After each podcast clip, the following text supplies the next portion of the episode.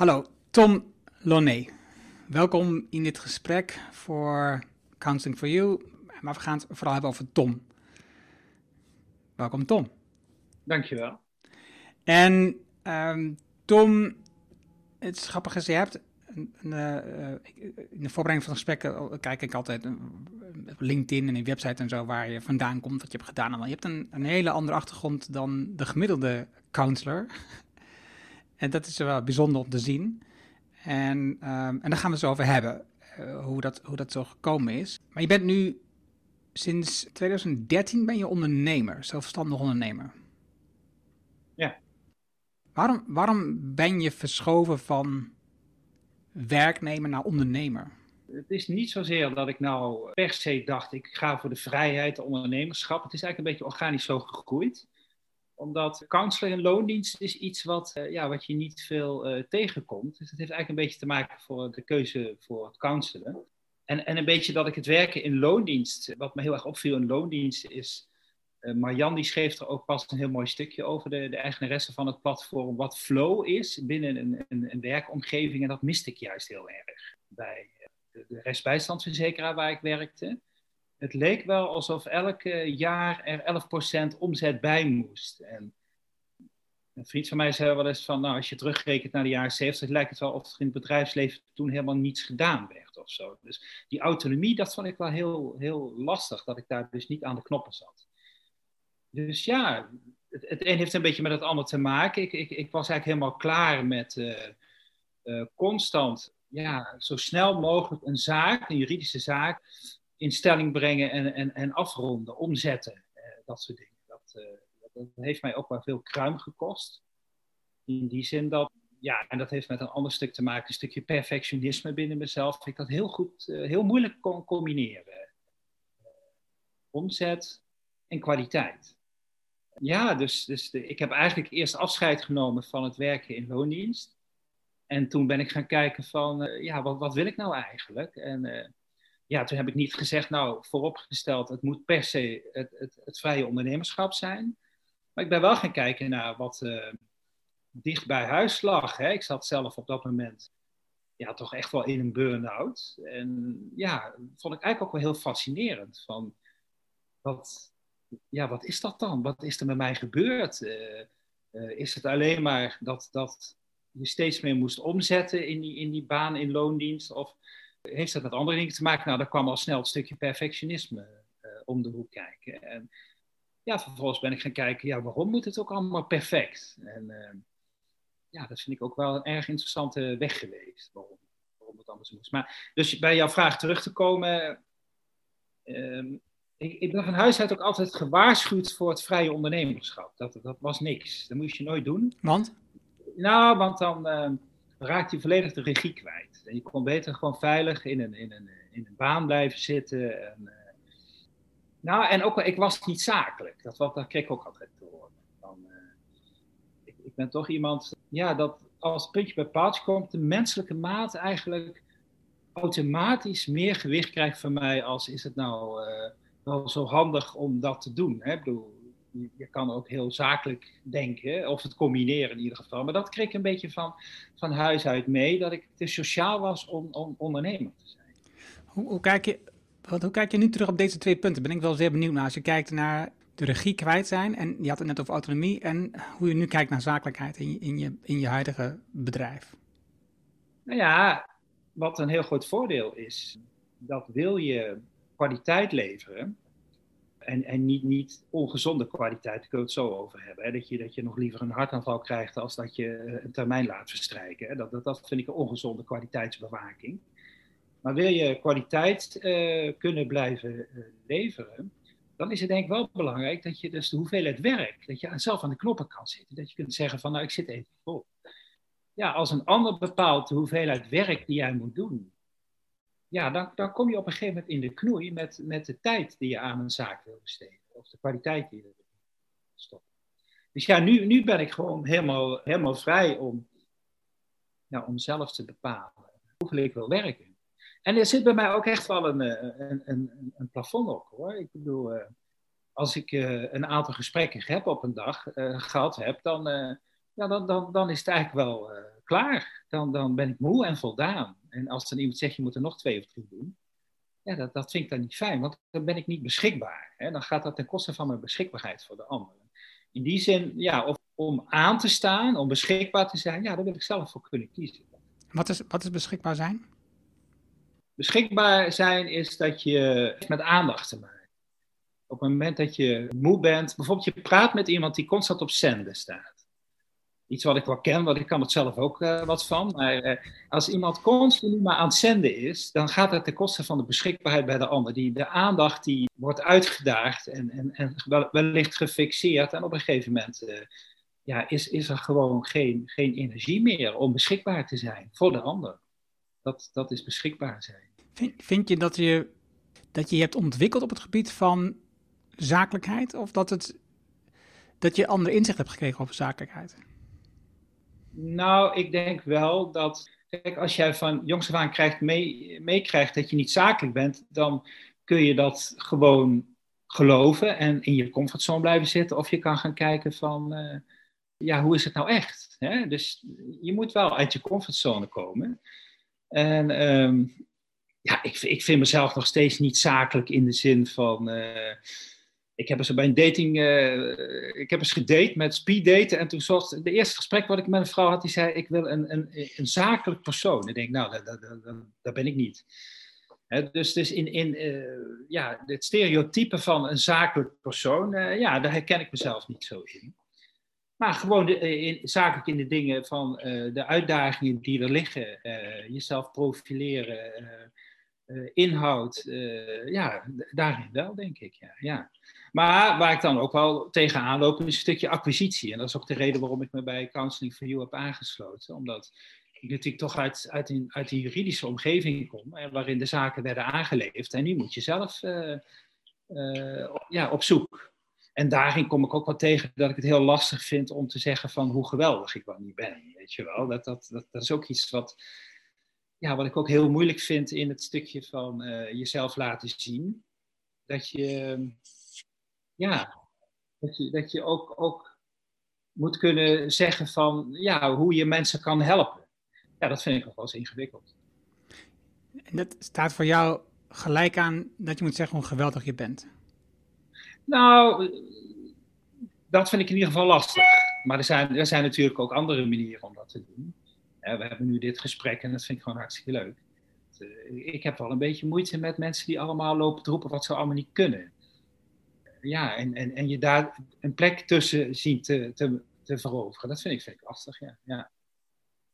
Ik denk dat ik van nature best wel bescheiden ben daarin. Oké, je bent ooit, eh, even, laten we die bescheidenheid een beetje verdiepen, want je bent ooit begonnen in een opleiding in de rechten. Maar dat echt niet helemaal goed. Je bent eerst in de kunst uitgekomen, maar uh, daar komen we zo op terug. Maar rechten, dat is toch een opleiding die je niet zomaar oppakt. Oh nee, daar was ik ook wel heel gemotiveerd voor om dat te doen. Ja. ja. Dat vond ik een hele mooie opleiding. Ja, ik heb rechten gestudeerd op de, op de CUP hier in eh, Tilburg, de Katholieke Universiteit Brabant. Het had toen nog een andere naam. Eh. maar ja, ik vond dat. ik heb daar natuurlijk wel. Ik was 25, wat ik had eerst een academie voor beeldende vormen gedaan, uh, anderhalf jaar. Want ik dacht, misschien is tekenleraar wel leuk om te worden. Ik vond tekenen altijd hartstikke leuk. Alleen, uh, ja, ik voelde me daar niet zo lang op een academie. Ik, ik was helemaal geen kunstenaar. Ik, ik, vind het leuk om leuke plaatjes te maken, te schilderen, portretten te schilderen. Buiten op vakantie maak ik aquarelletjes, hè, neem altijd mijn schilderspullen mee. En, uh, maar ik, ik, ik had niet iets echt te vertellen met mijn eh, ja, met mijn schilderijen. Dus ja, toen, toen dacht ik, ik ga gewoon een vak doen. Ik ga gewoon een vak leren. En, ja, zo ben ik uiteindelijk. Uh, ik had toen een vriendin die deed beroepskeuzeadviseur. Dat deed ze als studie. En ik zeg, nou, gaan we los op mij. En uh, toen kwam er zo duidelijk rechten uit. En in het begin moest er wel een beetje om lachen. Want ik had altijd zo van, ja, als je echt niet weet wat je moet doen, dan moet je maar rechten gaan doen. Maar ja, ik vond het een fantastische studie. Ik vond het heel erg leuk, ja. Het is wel grappig, want in deze twee dingen hoor je toch hoe je op verschillende manieren omgaat met, met bescheidenheid. Hè? Dus de, je zegt, ik, ik, ik ben gestopt met die opleiding, want ik vond dat ik geen verhaal had. Je schildert nog steeds, je maakt nog steeds aquarellen, je maakt portretten. En tegelijkertijd was je vol van overtuigd en vond je de opleiding ook heel gaaf om rechten te studeren. Terwijl dat voor de meeste mensen echt een heel hoog gegrepen opleiding is, die vrij lang duurt en veel van je doorzettingsvermogen vraagt, omdat je ontzettend veel moet leren. Ja. Dus, dus, dus in mijn optiek, er klinkt een hele verschillende vormen van bescheidenheid in die, uh, in die twee dingen. Mooi om te horen. Ja, ik ben wel trots op dat ik die studie heb afgemaakt natuurlijk. En eh, ik, ik heb ook best veel discipline. Hè. Alleen, ja, als mensen... Ja, ik, ik, uit me denk ik ook veel meer in, in gesprekken en in brieven en in communicatie als in een schilderij. Hè. Voor mij heeft een schilderij gewoon... Het hele verhaal interesseert me niet zo. Het moet gewoon pas. Hè. Het moet gewoon spreken. En ja, als ze dan vinden dat ik daar een heel verhaal in moet vertellen, dan ben ik daar heel bescheiden in. Maar als ik een, een, een dagvaarding moet opstellen, hè, dan, ja, dan ben ik uh, uh, niet bescheiden, want daar moet je gewoon gaan. Dus. Om dan terug te komen bij het verkrijgen van nieuwe klanten voor, voor je eigen praktijk, maar ook voor Counseling for You. Dan geldt dan toch eigenlijk hetzelfde als dat je daar gewoon neer moet zetten waar je voor staat, net als die dagvaardingen. Ja, ja zeker. Ja, zeker ik, ja, dat, dat, dat, doe ik dan ook. Hè? En, en, uh, maar maar ik, ja, waar, waar, ik gewoon een beetje moeite heb, dat het daar heel snel tegenaan schurkt van uh, ja, dat je allerlei uh, kwaliteiten zal hebben of beloftes zou doen die je niet, niet waar kan maken. Dus ja, ik, ik, what you see is what you get. Daar ben ik eigenlijk een beetje voorstander van. Ja, en, en dat, dat is een kwaliteit. En, en, en die kun je waarmaken. Dus, mijn ervaring is tot nu dat veel coaches en counselors hier veel te ingewikkeld over doen, over het verkrijgen van nieuwe klanten. En het daarom dus niet doen. En dus daardoor ook minder effectief zijn. Terwijl als we het gewoon veel lichter zouden oppakken om te zien als zijnde, hoe kan ik ervoor zorgen dat ik mensen kan helpen? Ja, dan, uiteindelijk is dat je drijfveer. Ja, dan wordt het een stuk eenvoudiger. Nee, maar daarom leren, daarom leren we ook veel van jou. Ja. je bent dat ook gaan uitvoeren. Je bent advocaat geworden jurist. Eh, je hebt gewerkt bij een aantal advocaatkantoren. En het, wat, wat me opviel was dat je ook met name hebt gewerkt in de vreemdeling- en de vluchtelingenomgeving. Wat, wat was daar je rol? Wat deed je daar vooral? Ja, daar ben ik eigenlijk mee begonnen. Uh, ik ben begonnen op een sociaal advocatenkantoor en daar uh, werd iemand uh, benoemd als rechter, dus die ging weg. En, dus daar kwam een, een, plek vrij en die had een enorme vluchtelingen- en vreemdelingenpraktijk ja, wat je rol daarvan is, is dat, dat was toen in de tijd van Joegoslavië, hè, de, de, de burgeroorlog die daar was. Eh, de eerste Somaliërs kwamen deze kant op. Vanaf 91, toen daar het regime viel. Ja, en die, die mensen wilden allemaal ja, politiek asiel aanvragen in Nederland. En niet iedereen kreeg dat zomaar. En zeker bijvoorbeeld met de Joegoslaven, dat was toen eigenlijk amper bekend hier in, Nederland, dat het daar enorm aan het rommelen was. En ik weet nog wel eens dat ik tijdens een kort, geding bijvoorbeeld uh, de, een, een, een, krantartikel van die ochtend uh, aan de president beoverlegd van dat het toch echt wel waar is wat ik vertelde. Hè? Zo, zo, zo actueel was het toen. Dus uh, ja, dat, dat werk bestond er dus voornamelijk uit om mensen die ja, hier politiek asiel hadden eh, aangevraagd, maar niet gekregen, ja, die hadden een advocaat nodig. Die kregen soms een nul dagen termijn. Die moesten dus binnen 24 uur het land verlaten. Dan meteen een kort geding beginnen. Hè? Dat, soort dingen. Ja, er kwam uiteindelijk een afwijzing en dan moest, uh, moest je een herziening aanvragen, moest je een beroep. Dat heb ik toen gedaan. Dat was reuze leerzaam. Je, maakt met allerlei soorten mensen, allerlei talen, allerlei uh, praktische en juridische problemen. Wat is je het meest bijgebleven uit die tijd? Of laat ik de vraag anders stellen, misschien is dat beter wat is het punt wat je daar geleerd wat je nu nog steeds gebruikt? Ik denk wat ik sowieso al in me heb, is dat ik eigenlijk nooit oordeel. Dus ik, ik heb daar natuurlijk heel veel uh, verschillende verhalen gehoord, waarvan justitie zei van dat is geen logisch consistent verhaal. Hè? Dat, dat is iemand die geen echte vluchteling is. Die, die zegt wel dat hij uit Joegoslavië komt, maar dat is niet zo. Of die zegt wel dat hij. En ja, en ik sta eigenlijk altijd open. Ik, ik, ik, ja, ik, ik kijk wat, wat, wat gebeurt daar? Wat, wat is er aan de hand? Er zit een mens. En, uh, dus ik kan heel duidelijk een, een bepaald verhaal hebben, een bepaald perspectief. Hè? En dat kan ik dan loslaten. En, en dan, dan kom ik in contact met zo iemand. Ja, dan vorm je eigenlijk uh, ja, je eigen, eigen verhaal van zo'n mensen. En dat is gewoon een eigenschap die ik daar, uh, ja, ontwikkeld. En, en, ja, ik zie geen enkele reden om dat, om dat los te laten. Ik vind dat een hele bijzondere eigenschap. Als ik even zo bescheiden mag zijn. En wie, wie betaalde dan die. Ik kan, ik kan me voorstellen, die vluchtelingen die kunnen dat niet betalen op dat moment. Wie betaalde dan die, die kosten om, om die zaak aan te spannen? Dus de wet op de gefinancierde rechtsbijstand. Hè? Dus dat, eh, de, de, de Rodeo heette dat vroeger. Hè? Dan kreeg je een toevoeging. Sowieso de vluchtelingen en, en mensen die nog steeds uh, in, uh, in de voorlopige hechtenis zitten, die worden door de, door de overheid, wordt de advocaat daarvoor betaald de overheid, dat, dat, komt, dat systeem komt nu steeds meer onder druk te staan. Ik weet niet of je dat gelezen hebt, hè, dat, dat ze toch willen kijken van of er een soort ja, slagboomfunctie moet komen van wanneer er wel of niet geprocedeerd moet worden en wanneer er wel of niet een, uh, een, een, beroep op de gefinancierde rest wordt gedaan. Eigen bijdragers worden hoger, dat soort dingen. Maar dat is in, in, wezen nog steeds hetzelfde systeem wat twintig jaar geleden ook, ook gold. Ja. En ik kan me voorstellen, uh, want ik weet niet precies, je had het net over uh, een burn-out. Ik kan me voorstellen, omdat in zo'n periode dat er ontzettend veel vluchtelingen op afkomt, eh, als, dus als, die, als die druk in zo'n land groter wordt, en, uh, dan gaan natuurlijk meer mensen vluchten. Speelt dat, speelt dat een rol naast jouw perfectionisme in de opbouw naar je burn-out?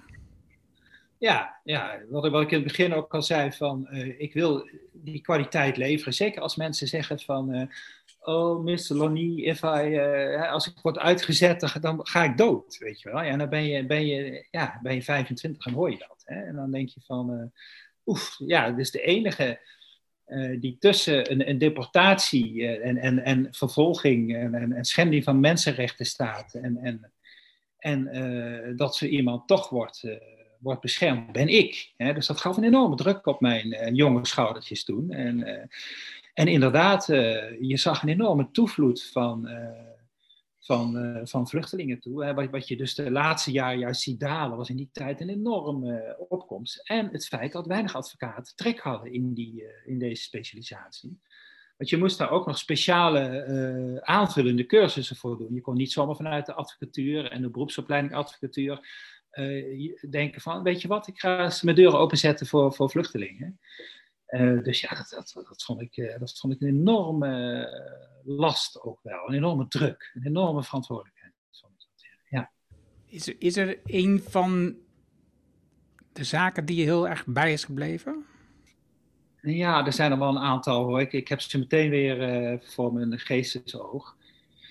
Ja, ik heb, ik heb ooit een man gehad. Uh, als, als, nou ja, laat ik het in zijn algemeen zeggen, als mensen gemarteld waren. Of, of uh, ik heb ooit iemand gehad die was een uh, beveiliger. Ehm, ja, ik ga niet te veel op de, op de zaak in, maar die zijn ehm, ja, voor een soort warlord was dat. En die, er is op een gegeven moment een granaat naar die warlord gegooid en hij is daar bovenop gesprongen. En die is afgegaan en ja, in zijn gezicht. Dus dat moet je voorstellen van, ja, daar zie je dus ook gewoon. En, en zo'n man wordt dan afgewezen. Hè? Dus die kreeg geen, die kreeg geen aanstaat.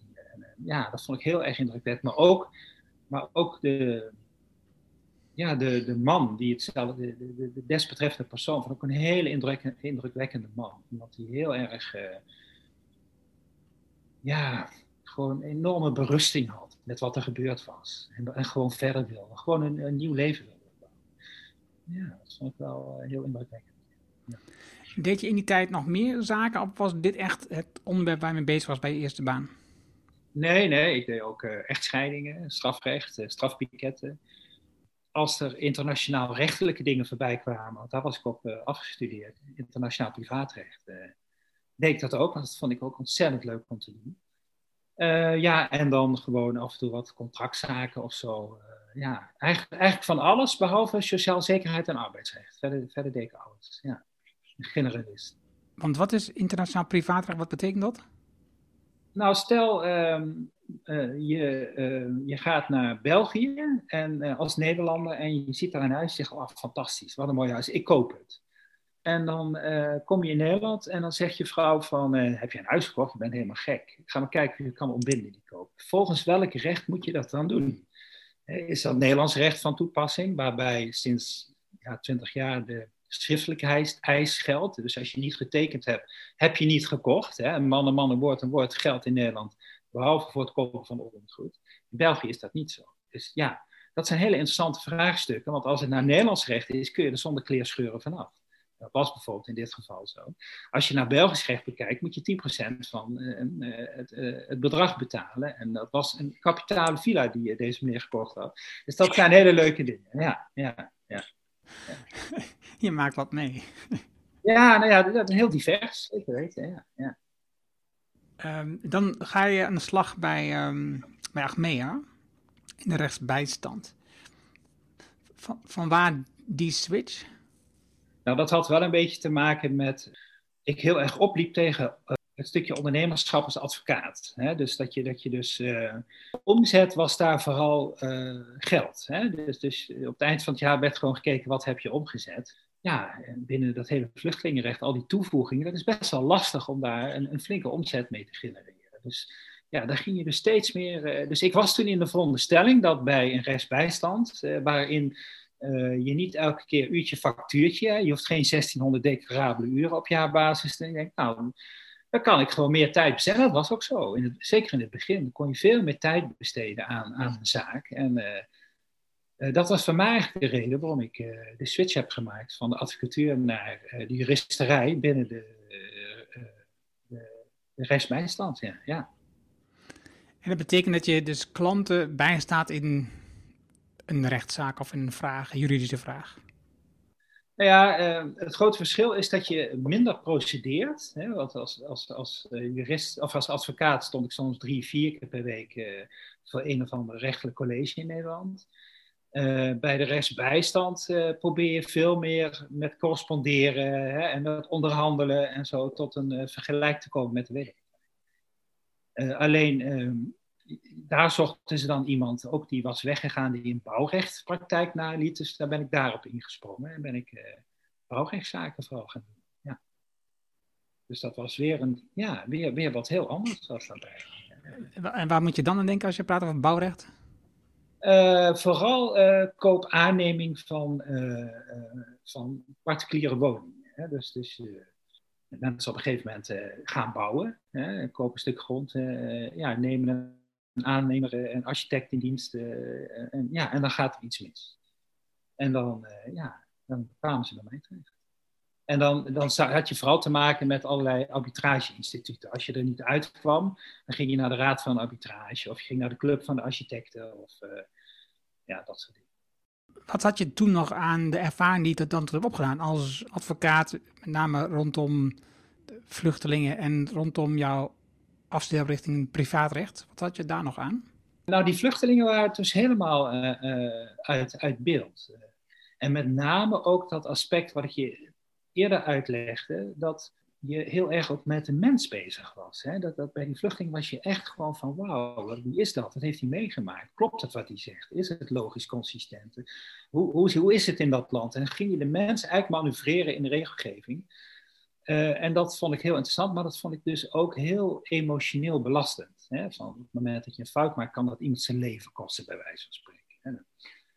En dus ik vond het in het begin ook wel een beetje fijn dat het gewoon puur zakelijk was. Hè? Dat is gewoon van iemand een huis gekocht, hoe ziet het contract eruit? Uh, je, je, liet een expert ernaar kijken van is het scheef of niet hè, daar? Of is het aan het verzakken, de aanbouw of niet? Of heb ooit iemand gehad, die had een groot huis en dat, dat, die had een kaboutertrap. Dus die had een hele grote trap en die werd steeds lager. En dan moest je echt zo doorheen friemelen en zo. Nou ja, dat, dat, zijn gewoon puur technische dingen. En dat vond ik toen wel eigenlijk wel een verademing. Ik moest echt een beetje op, op adem komen, op dat hele emotionele stuk. Uh, dus dat, dat, uh, dat hele mensenwerk daardoor uh, wat minder geworden in mijn werk zelf, als, als jurist. Maar het is gewoon civiel recht. Hè? Ik ben er gewoon ook voor opgeleid. Bouwrecht is een, een, een, een klein uh, specialisme binnen het, uh, het gewone civiele recht eigenlijk. Ja. Verbintenissenrecht is het eigenlijk. Ja. Wanneer kom je in jouw tweede burn-out situatie? Ja, dat was. ik heb daar ongeveer tien jaar gewerkt.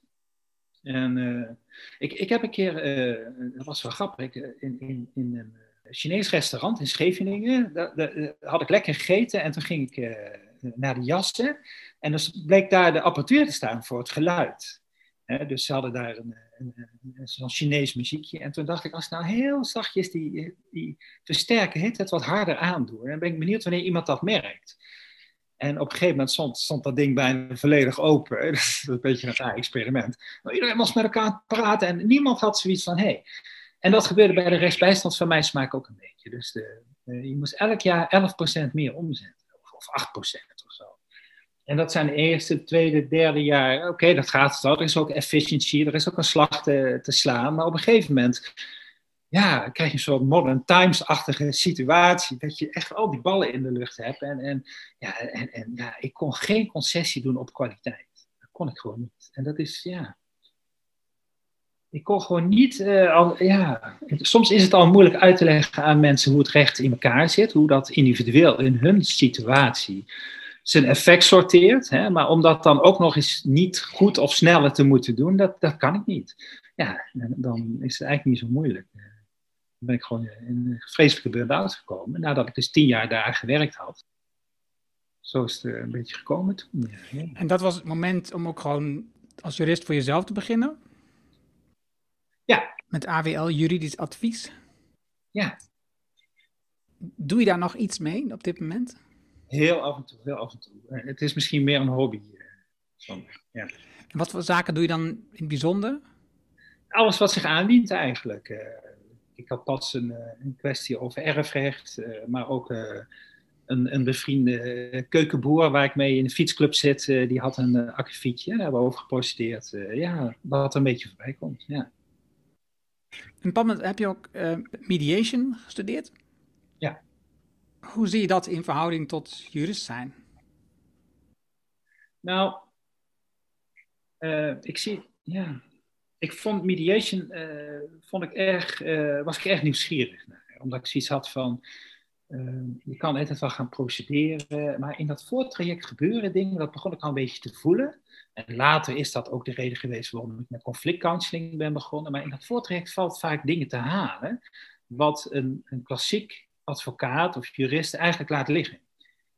Dat heeft denk ik vooral te maken met op het moment dat je een verontwaardiging hebt bij een mens, en je zet dat meteen om in een financiële claim, dan ben je dus eigenlijk je klant kwijt. Dan ben je eigenlijk uh, aan het praten met een systeem, met een rechtssysteem. Nou, ik dacht, mediation zit daarvoor. Als je dus op een gegeven moment gaat kijken van, wat zijn de behoeftes van iemand? Dan noemen ze het belangen. Zijn er wederzijdse belangen? Dat zijn allemaal van die schoolvoorbeelden van uh, bijvoorbeeld over sinaasappels. De een heeft de schil nodig en de ander het vruchtvlees, maar dat weten ze niet van elkaar. En op het moment dat je dat dus goed bespreekt, kun je een enorme mooie deal sluiten. Dus dat vond ik wel heel leuk, maar later kwam ik er toch wel achter dat veel geschillen eigenlijk al te veel geëscaleerd waren om met mediation om dat vlot te trekken. Dus ik heb, dat, ik heb daar de opleiding voor gedaan, dat was ook binnen Interpolis, die heeft dat ook van mij betaald toen. Eh, maar we hebben dat eigenlijk vrij weinig ingezet. En zelf uh, heb ik daar niet veel mee gedaan, omdat ik inmiddels uh, iets had van op het moment dat mensen in dat voortraject, als er een, een, verschil van mening is, uiteindelijk de behoeftes horen van de ander, dan ben je er ook zo uit. dus dat gaat een stapje verder als dat er een gemeenschappelijkheid moet zijn. Want bij mediation zit er toch altijd iets in van een, een, een, een strategie. Hè? Van, uh, het gaat om sinaasappels. Oh, kunnen we kijken of jij het vruchtvlees nou... Uh, oh, eh, jij de schil. ja, en dan, dan maken we er iets van. Maar heel vaak is de realiteit niet zo. die gemeenschappelijkheid ontbreekt vaak. En als je dan gaat kijken op het behoefteniveau... op het, op het moment dat je gaat zien dat de, de buurman waar je conflict mee hebt en die een terrorist is, hè, wat ik heel vaak gehoord heb in mijn bouwpraktijk, als je op een gegeven moment gaat zien, ja, maar wacht eens even, ja. En, en dan spreek je eigenlijk over psychologische escalatiefactoren. Hè, van, dat is eigenlijk ook gewoon waar een mens. Hè, en dat is vaak heel moeilijk om te zien. Hè, want je gaat dan doen aan zwart-wit denken, aan, aan, aan, er zijn allerlei mechanismes die daarvoor voor verantwoordelijk zijn. Op het moment dat je op het moment die man weer als mens gaat zien en met een bepaalde behoefte die je kan herkennen, omdat je ook bepaalde universele behoeftes hebt, dan, dan ben je een stapje verder, vind ik, als dat mediation. Dus dat, dat vond ik toen erg interessant. En dat is voor mij de reden geweest waarom ik dacht van, kan ik daar niks mee? Kan ik niet een, een, een soort counselor worden die zich heel erg richt op, voordat mensen het gesprek met een ander aangaan, het gesprek met zichzelf aangaan? Wat vind ik daar nou eigenlijk van? Waarom reageer ik zoals ik reageer? Is daar misschien oud zeer in het spel? Dat soort dingen. En, en heel die psychologie, ja, die, die, die vond ik steeds interessanter worden naarmate ik zag dat er meer geprocedeerd werd met meer teleurstelling. Hm. Hoe kan dat? Nou, als je bijvoorbeeld kijkt, uh, ons, ons rechtsstelsel is natuurlijk heel erg geïnstitutionaliseerd. Hè? We, we, we, kijken niet zozeer naar de persoon. Hè? Vrouw Justitia is blind, dat is maar goed ook. Nou, laat, alleen kijken naar consistentie. Als, je, als jij bij uh, een rechtbank komt en je wint daar, en, en de wereldtuig gaat in hoger beroep, is de kans groter dat je uh, verliest als dat je weer wint.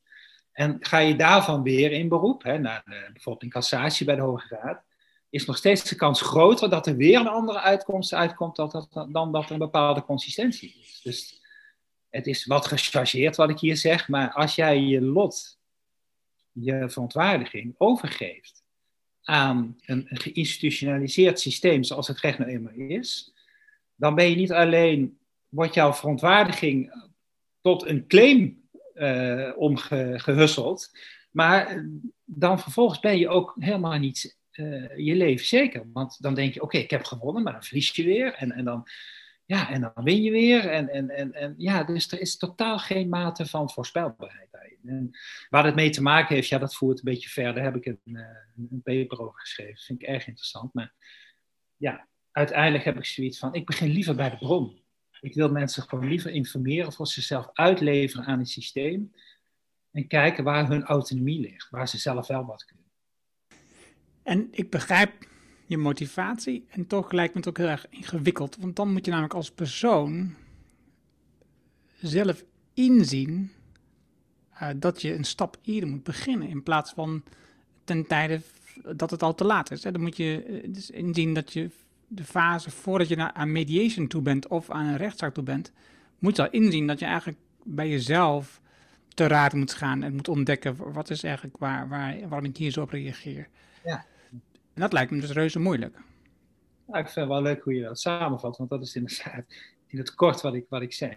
En dat, dat is inderdaad ook moeilijk. En, en uh, ik, ik, had ook ergens een, een, tekst staan van uh, dat je eerst het gesprek met jezelf moet aangaan, dat dat beter is, omdat je dan schoner en, en, en emotielozer, zakelijker kon onderhandelen met de wederpartij.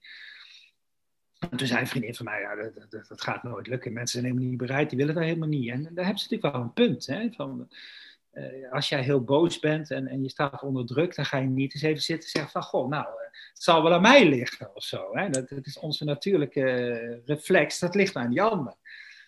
Maar ik zie dus wel, ik heb dus heel erg veel gezien dat mensen enorm last hadden van, van het conflict dus dus die, die, die beleving van het conflict, uh, dat, dat, ja, dat, uh, en zeker als je daar lange tijd in zit, dat, dat, uh, dat kost bakken met energie bij mensen. En dan zijn ze bereid om te kijken van, hoe kan ik mijn aandacht er ook een keer van afhalen? Hè? Waarom ben ik zo gefixeerd daarop? Hè? En, en nou, daar begint het eigenlijk een beetje. Van als jij dus op een gegeven moment het in een, in een, een ontkokerende context kan plaatsen, dan, dan komt er weer levensenergie. En dan, oh, oké, dat geschil is er, maar er is nog zoveel meer. Weet je wel? Dus dan, en dan zijn mensen vanuit die ruimte veel meer eh, bereid om uh, naar hun eigen niet onderzochte overtuigingen te kijken over rechtvaardigheid. Maar in, bij counseling in het algemeen eigenlijk geldt dat zo.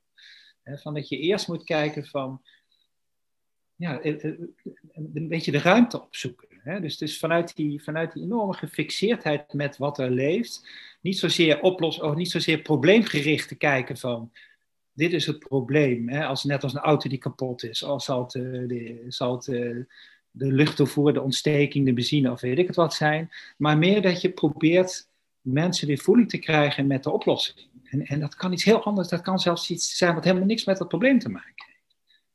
En ja, dus in, in die zin. Uh, ja, heb ik wel het idee dat dat werkt als mensen dat ook beginnen te voelen. Als die levensenergie in het conflict weer terugstroomt.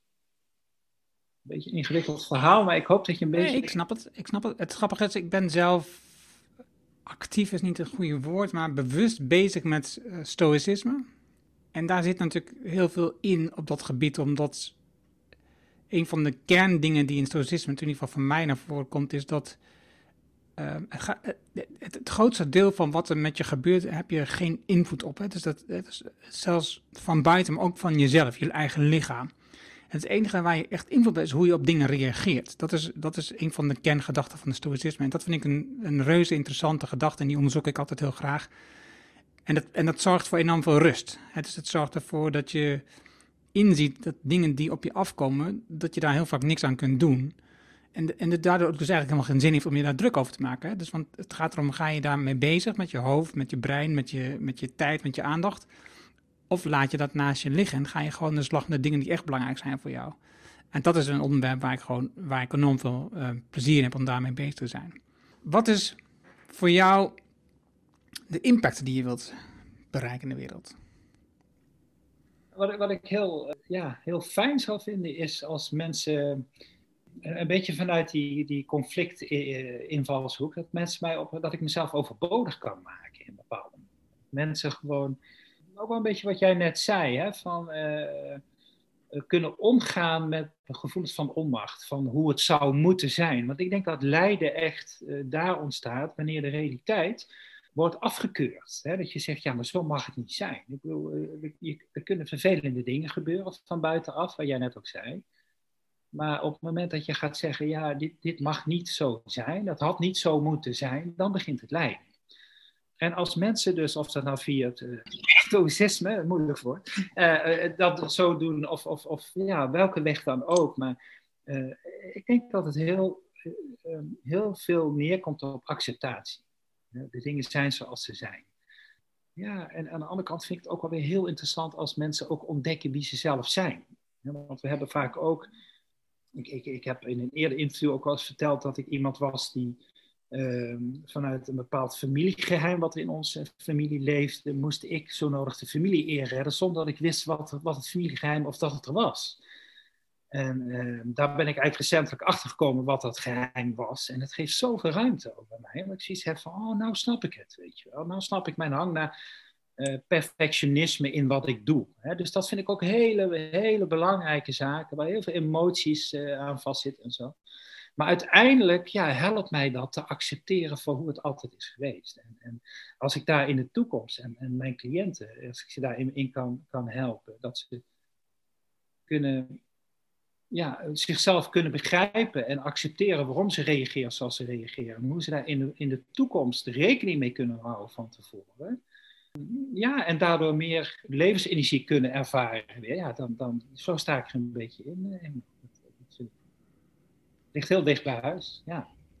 Ik, ik denk dat dat meestal zo is met iets wat je, waar je impact op hebt.